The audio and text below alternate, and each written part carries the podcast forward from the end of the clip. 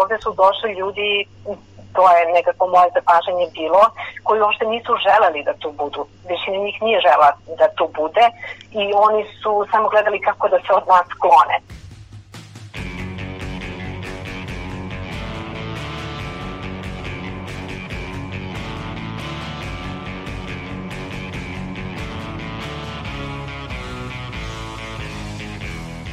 Slušate novo izdanje podcasta Reaguj, nezavisnog društva novinara Vojvodine. Podcast koji vam donosi priče o solidarnosti i životu ljudi u ogledalu društvenih i političkih događaja u Srbiji. Mi smo Aleksandra Bučko, Sanja Đorđević i Iva Gajić.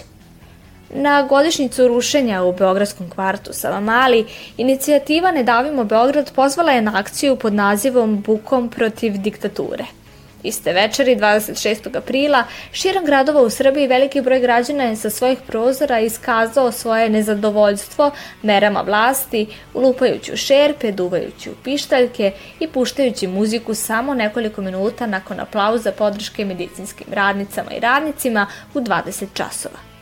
Ubrzo su se ovoj akciji pridružili i aktivisti i simpatizeri opozicionih partija – Ukidanjem vanrednog stanja šerpe su utihnule. Ali da li je i nezadovoljstvo nestalo? Da li je reč o protestu kratkog daha koji se neće odraziti na političke snage u zemlji ili pak najavljuje novu političku realnost? U ovom izdanju našeg podcasta tražimo odgovore na ova pitanja. Sanja Grandić je među onima koji su lupali o šerpe svako veče.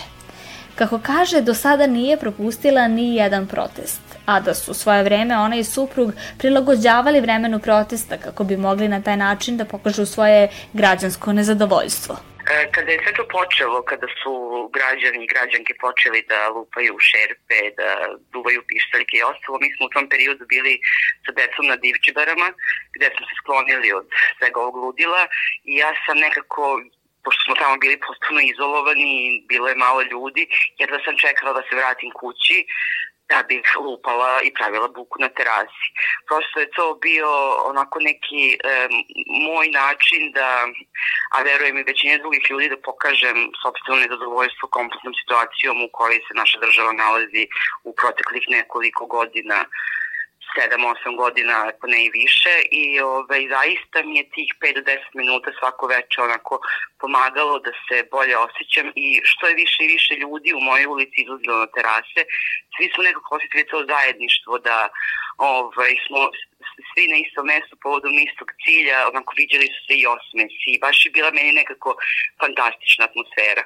Ono što me sad malo onako brine i rastužuje jeste da sad kako je ukinuto vanredno stanje, e, ulica nam je sve tiša i tiša iz večeri u večer. Prvi ozbiljniji protest od dolaska na vlast Srpske napredne stranke 2012. godine ta politička opcija doživela je pet godina kasnije. Od tada, nakon pobede Aleksandra Vučića na predsjedničkim izborima, suočava se sa periodičnim građanskim ili opozicionarskim protestima – O ovome je naš e, kolega Nemanja Stevanović razgovarao sa politikolozima Vujom e, Ilićem i Đorđem Pavićevićem.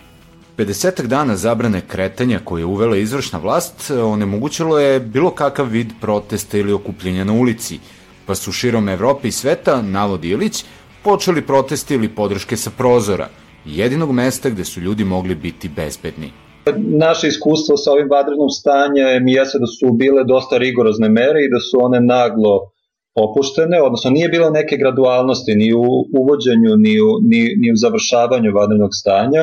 I to svakako izaziva dosta poremeće u funkcionisanju društva, teško je predvidjeti sve načine na koji se reaguje. I sad ovo što si spomenuo da je bio taj prelaz simbolički od 8 sati koje je bilo pre svega podržavanje zdravstvenih radnika, ovaj protest se pomerio na 8,5, izražavano je nezadovoljstvo pre svega. E, I čini mi se da, da, da je logično da su ti oblici protestnog izražavanja prestali kad se završila zabrana kretanja, e, i sa druge strane imali smo i ove, ove kontraproteste, tako reći, na, na krovovima zgrada, što mi se čini kao da je bio na neki način odgovor na to izražavanje nezadovoljstva na prozorima i čini mi se da je poslanica SNS-a Obradović možda i najdirektnije u stvari veoma direktno odgovorila zbog čega je došlo do toga, ona je rekla e, morali su da odgovore na šerpe, da ne mogu da se kriju u rupi. Tako da je to bila jedna od redkih situacija da je zapravo uh, vladajuća stranka na neki način bila u defanzivi i morala vrlo brzo da, da smisli na koji način da odgovori, što je opet dovelo do tog nekog načina izražavanja koje je bilo dosta promišljeno i možda imalo čak i više više neželjenih posledica za njih nego što su planirali. Iako su mnogi povukli paralele sa sličnim izlivom nezadovoljstva studentskih protesta protiv izborne krađe Slobodana Miloševića 1996. godine, kontekst je bio drugačiji – ali ovaj protest Ilić ocenjuje kao izražavanje širokog nezadovoljstva, a profesor sa Fakulteta političkih nauka Đorđe Pavićević ovakav način protesta naziva iznuđenim rešenjem. A, sada je više bilo iznuđeno rešenje, vi niste mogli da imali ste policijski čas ili imali ste opciju ili da kršite zakon ili da a, nešto radite mimo toga. Znači, u tom pogledu je to uh, rešenje koje je bilo iznuđeno, koje je u jednom trenutku počelo dobro da funkcioniše i to je nešto zbog čega je i uh, reakcija vlasti bila dosta slad, snažno. Profesor Pavićević ocenjuje da protesti nakon završetka vanrednog stanja više nisu davali efekta. Pa nije to neobično s obzirom da su neke akcije pokrenute koje su napolju, tako da a, mnogo nije imalo više prosto ni potrebe da se u kući protestuje, ali svakako su deo te pažnje odvukle te akcije koje su baš bile u isto vreme u Beogradu kada i ono takozvano šerpanje. Tako da ljudi nisu sedeli kući u tom trenutku, a i prosto je pažnja odbalačena na to na taj vid Kao što je Vujo Ilić napomenuo, nekoliko dana nakon početka akcije Bukom protiv diktature, članovi i simpatizeri vladajućih partija organizovali su kontraproteste. Glavna i odgovorna urednica portala Južne vesti iz Niša, Gordana Bjeletić, bila je prisutna na dva kontraprotesta. Naša koleginica Sanja Đorđević razgovarala je sa njom. Sanja, šta kaže Bjeletić, kako opisujete kontraproteste? Gordana Bjeletić izveštavala je sa prve bakljade u Nišu na bulevaru Svetog Pantelejmona koja se na sreću nije završila u plamenu.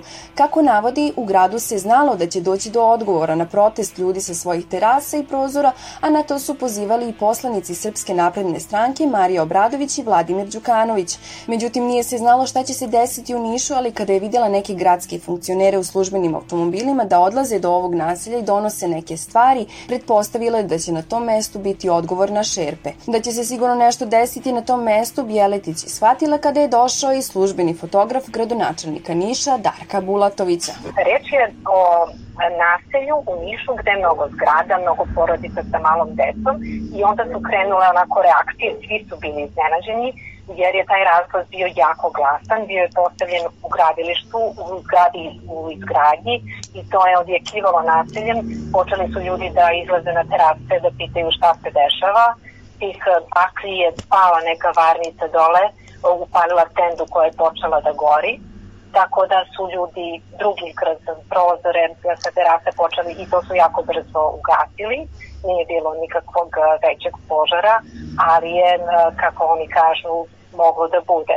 Tako da je za sve to bilo prilično veliko iznenađenje. Mi jesmo znali da će nešto da se desi, ali nismo znali u tom trenutku šta se tačno planira i nismo bili svesni kolika je to zapravo organizacija, jer je tu dosta ljudi u tome učestvovalo. Na samo jednoj terasi bilo je, ne znam, petorica, šestorica njih, toliko njih i na drugoj. U toj zgradi pored su bili ljudi koji su zaduženi za odlučenje preko puta ulice bila su postavljena kod trafike njih trojica, jer je tu bio najbolji ugao da oni snimaju celu tu akciju i da je tako posle plasiraju u javnost. Znači jedna ozbiljna organizacija je stajala iza te akcije. Sledeća bakljada je bila nekoliko dana kasnije, a Bjeletić i redakcija Južnih vesti odlučili su se da ovoga putu idu uživo na Facebook stranici, kao i da krene i fotograf na teren kako bi dokumentovao prisustvo pojedinih gradskih funkcionera. Ekipa Južnih vesti bila je na mesto, dakle su dobili pozive da su neki ljudi već ulazili u zgrade i odlazili na krovove. Nešto posle 20 časova predsednik opštine Aleksandar Čdrale bio je na licu mesta, a nekoliko minuta kasnije grupice od 5 do 10 ljudi sa maskama i kapuljačama počelo je da se skuplja. Kako je vreme prolazilo, već je bilo skoro 20 i 30. Da svi smo nekako čekali šta će da se desi. Ja sam njih uporno pitala šta se dešava, šta će sada da rade, a oni, osim što su se sklanjali od kamere i nisu hteli da odgovore, mislim da oni zaista nisu ni znali šta će da se desi. Nastao je među njima jedno opšte, opšte rasulo samo su gledali kako, kako da se sklone i šta sad da rade. Bukvalno je bilo neko ponašanje kao da su zatečeni. U toj situaciji sad ne mogu baš da odu odakle, ali ne znaju kako, kako da se izvuku iz te situacije. Desilo se takođe da je tu, iako su tada su mnogi građani se meni javili i rekli da oni jesu sali policiju, ali policija nije došla po pozivu. U ulici, kroz ulicu pored je prošla policijska patrola i zaustavila grupu od e, njih petorica su učeni mi se tu bili. Tako da oni se potpuno slučajno tu našli i legitimisali ih. Da, ja sam pitala to se i u tom prenosu videlo, da li oni imaju neophodne dozvole, da li smeju da budu u vreme policijskog časa na ulici, oni to tad nisu znali. Ali uh, ono što je zanimljivo jeste da mi do dana zapravo nismo dobili odgovor da li su oni imali dozvole i kako je to slučajno legitimisanje prošlo. Glavni utisak Gordane Bjeletić nakon ovog događaja posle koga u Nišu nije bilo više pokušaja paljanja baklji jeste da su ljudi došli na ovakve skupove ne svojom voljom izveštamo sa protesta gde su neke ekstremističke grupe ili tako dalje, onda ste vrlo ugroženi, vrlo je moguće u svakom trenutku da vas neko udari ili kako god tu dolaze ljudi zbog stvari u koje veruju koliko god da su te stvari pogrešne. Ovde su došli ljudi to je nekako moje zapažanje bilo, koji uopšte nisu želeli da tu budu. Većina njih nije žela da tu bude i oni su samo gledali kako da se od nas sklone bilo je neki kod eh, njih koji su dobacivali, koji da nije bila upaljena kamera možda bi i krenuli na nas, ali većina njih eh, zaista samo je htela da se skloni od kamere bukvalno uh, zato što oni tu nisu bili izuvereni i hteli su da, da, da se povuku. Građanske inicijative su zajedno sa još 11 organizacija podnele inicijativu za pokretanje kontrole zakonitosti i pravilnosti rada Ministarstva unutrašnjih poslova za vreme zabrane kretanja. Pre svega zbog nejasnih okolnosti kako su neke grupe završile na krovovima zgrada, zapalili baklje, a istovremeno imali i propusnicu za kretanje za vreme policijskog časa. Izvršna direktorka građanskih inicijativa Maja Stojanović u online emisiji Nezavisnog društva novinara Vojvodine Ljudska prava u defektnoj demokratiji izrazila je sumnju da su pojedini učesnici takozvane bakljade uopšte imali propusnice. Inicijativa je podneta zaštitniku građana.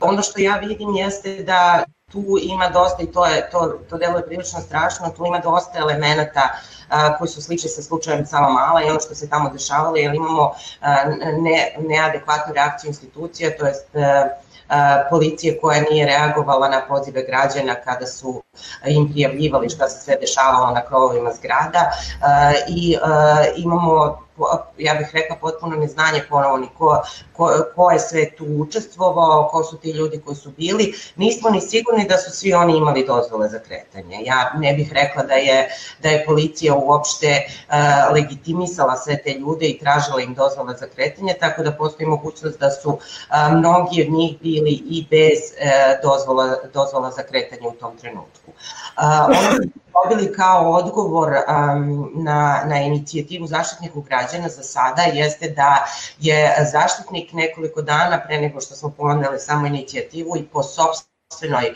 inicijativi pokrenuo isti postupak.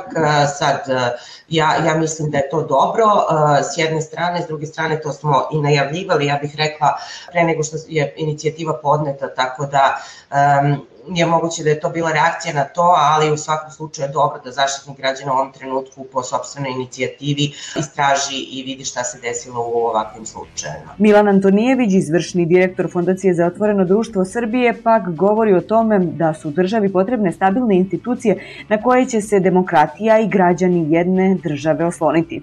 Pogotovo je to važno u vanrednim situacijama.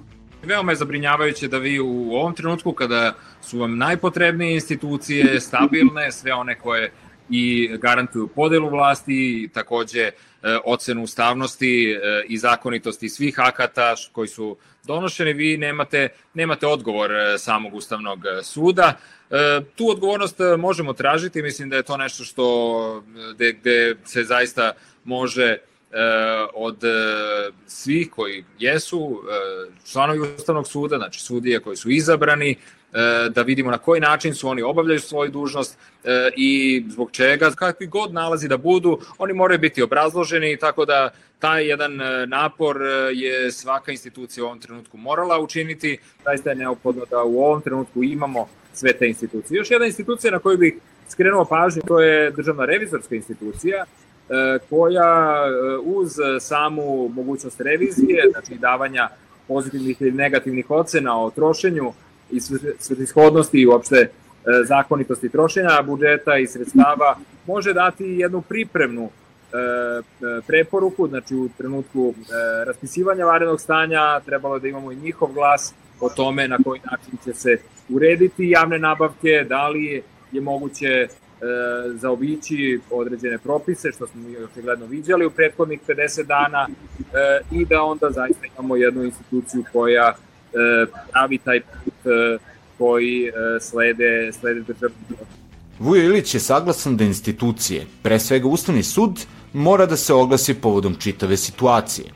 On navodi da su se države različito ponašale, pa je bilo primjera i da Skupština donese odluku, ali i da, kao u Mađarskoj, izvršna vlast preuzme potpunu ulogu i zakonodavne vlasti. Srbija, navodi on, bila je negde između ova dva modela pošto sam veoma pažljivo pratio prve, e, prve, e, sve prve konferencije za štampu, nikada se nije govorilo o trajanju e, vanrednog stanja, već se govorilo da će to vanrednog stanje trajati dok ti famozni stručnjaci kažu i dok je u, u toku borba sa pandemijom. Ja mislim da, da taj način na koji je formirano naše, naše razumevanje moći države kada je uvođeno vanredno stanje nije bilo nije bilo dovoljno demokratsko, nije bilo dovoljno u skladu sa našim ustavom i nije nam omogućilo da na neki način osetimo da je to uh, regularni demokratski instrument. Već mi se čini da se tu radilo u, u značajnoj meri o zloupotrebi institucije i o, i o jednom opet uvećavanju moći izvršne vlasti i umanjivanju moći moći uh, Skupštine. Vujo Ilić navodi da je zbog opasnosti od pandemije smanjena mogućnost masovnih okupljanja, pa su prešli na simbolička delovanja kao što su ekcesi u Skupštini ili štajk glađu. Jedini cilj procenjuje Ilić jeste povratak opozicije u medije nakon dominiranja vlasti tim prostorom tokom pandemije.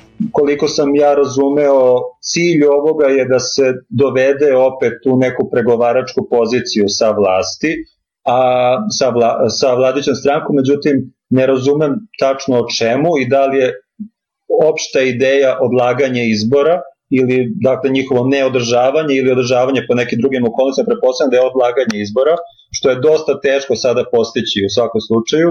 Možda i nema strategije, to je nešto što mi izgleda najizglednije i možda je ova logika koju sam rekao, dakle da je logika svih ovih akcija zapravo samo da se proizvede vest i da se na neki način povrati makar malo na ovaj način ravnoteža u izveštavanju e, i da je to samo dakle stvar dakle vraćanja u medije u narednim nedeljama. I u tom naravno kontekstu Boško Obradović postaje ponovo lice opozicije, tako da kažemo, što će opet, ja verujem, dovesti do daljeg razmemilaženja unutar unutar tog opozicionog bloka i do nekih daljih nesuglasica. Očito je da se kampanja nastavlja bilo u pogledu izlaska ili bojkota izbora. Milan Antonijević u emisiji našeg udruženja govorio je i o standardima u Evropskoj uniji kada je u pitanju demokratsko društvo i preporuke koje postoje. A oslonio se i na novi izveštaj Freedom House-a. Kaže da je ocena jasna, da se i u tom izveštaju govori o medijskim slobodama i drugim stvarima u kojima se već i ranije pričalo. Pitanje je koliko je realno ući u predizbornu kampanju i sve aktivnosti koje ona podrazumeva od prvog dana posle ukidanja vanrednog stanja. Ukazao sam na, na standarde Saveta Evrope koji govore o tome da vi morate sve u trenutku uh, od počinjanja kampanje, morate imati sva prava zagarantovana. Pomenuo sam pravo na slobodu kupljanja, neka druga prava. Tako da ovde se možemo uh, nekako pozivati na međunarodne standarde. To nisu uh, obavezujuće norme. Ne postoji međunarodni ni, niti bilo e, na, na nivou Evropske unije aki koji možemo pratiti, to su preporuke, e, ali ih treba veoma ozbiljno shvatiti, naročito u društvu koje je ovako podeljeno, da vi morate e, restaurirati sva prava u trenutku kada se odlučujete za raspisivanje izbora i za davanje tog konkretnog datuma. Izveštaj Freedom House-a Nacije u tranzitu ocenjuje da je Srbija tranzicioni ili hibridni režim, odnosno više nije demokratija. Vujo Ilić naglašava da ovaj izveštaj ocenjuje samo slobode u postsocijalističkim državama u istočnoj i centralnoj Evropi. Vlast između demokratije i autokratije je ono što najbolje opisuje ovakvo stanje države, a izbori su kompleksni i teško ih je unapred oceniti jer je bitno ko će na njima učestvovati i koliki će odziv birača biti. Ovakvo stanje gde su neki od aktera koji su najavili bojkot učestvuju, neki ne, neki najavljuju učestvovanje na lokalnim izborima, neki samo na opštim izborima, ja, ja, nemam načina da kažem šta će tu prevagnuti, ali sigurno će to biti jedna od, jedna od glavnih tema o kojima će se govoriti u narednim godinama. Dakle, e, sledi izveštaj e, e, Evropske komisije o napredovanju Srbije, dakle, izbori i ovo vanredno stanje, odnosno legitimnost izbora i legalnost akcija koje su sprovedene za vreme trajanja vanrednog stanja će biti ucenjivano uh, kao kao o, merilo toga gde se Srbija nalazi u, u, u toj velikoj skali između autokratije i demokratije. Ipak izbori će se održati nakon svega ovoga i to već 21. juna. Stvari se vraćaju polako na stanje pre vanrednog stanja, a izborna trka polako počinje. Ilić ocenjuje da će u svakom slučaju biti zanimljivo pratiti kampanju koja nam sledi. Mi smo u svakom slučaju očekivali, očekivali neuobičajenu izbornu kampanju. Ovo, ovo, ovo i pre vanrednog stanja nije bila izborna kampanja kakvu smo imali u prethodnih deceniju dve. Dakle, neočekivana jeste, nepredvidiva jeste, e, jako puno stvari se promenilo od pre uvođenja vanrednog stanja. Neke stvari su, su, ostale, su ostale, da tako kažem, neke teme, e, pre svega, da, dakle, možemo i da govorimo o tome detaljnije, dakle, odnos prema Kosovu, odnos prema evropskim integracijama i tako dalje, ali uh, pitanje, pitanje stvari koje su se desile u toku ovog vanrednog stanja će možda će se možda sada doći na površinu što se znači tiče uh, legalnosti postupaka vlasti, uh, odnosa prema ljudskim pravima. U poslednje vreme sve vidimo zahvaljujući radu istraživačkih portala otvaranje novih tema o klijentelističko-koruptivnim radnjama za vreme, za vreme vanrednog stanja i onda znači otvorit će se nova pitanja ekonomije, dakle pitanje pomoći koje se upućuje zaposlenima, kompanijama, odnosno preduzećima i pojedincima i mogući zloupotreba. Dakle, otvara se čitav novi spektar tema i pitanje je kako će određeni akteri iskoristiti to ili neće iskoristiti. I naravno ostaje pitanje bojkota. Odjavljujemo ovo izdanje serijala Reagu i podcasta Nezavisnog društva novinara Vojvodine u kom smo govorili o građanskom nezadovoljstvu za vreme pandemije kao i o političkim posledicama poteza vlasti na dalja dešavanja nakon korone. Da biste bili obavešteni o našim najnovijim epizodama, prijavite se na naše kanale na iTunesu, Stitcheru, Castboxu, Sounderu, Google podcastima, kao i na sajtu podcast.rs. Ocenite naše sadržaje i naravno pišite nam ukoliko imate neki komentar ili sugestiju. Naša mail adresa je podcast.ndnv.org. Ukoliko želite da nas podržite, to možete učiniti na sajtu donations.ndnv.org.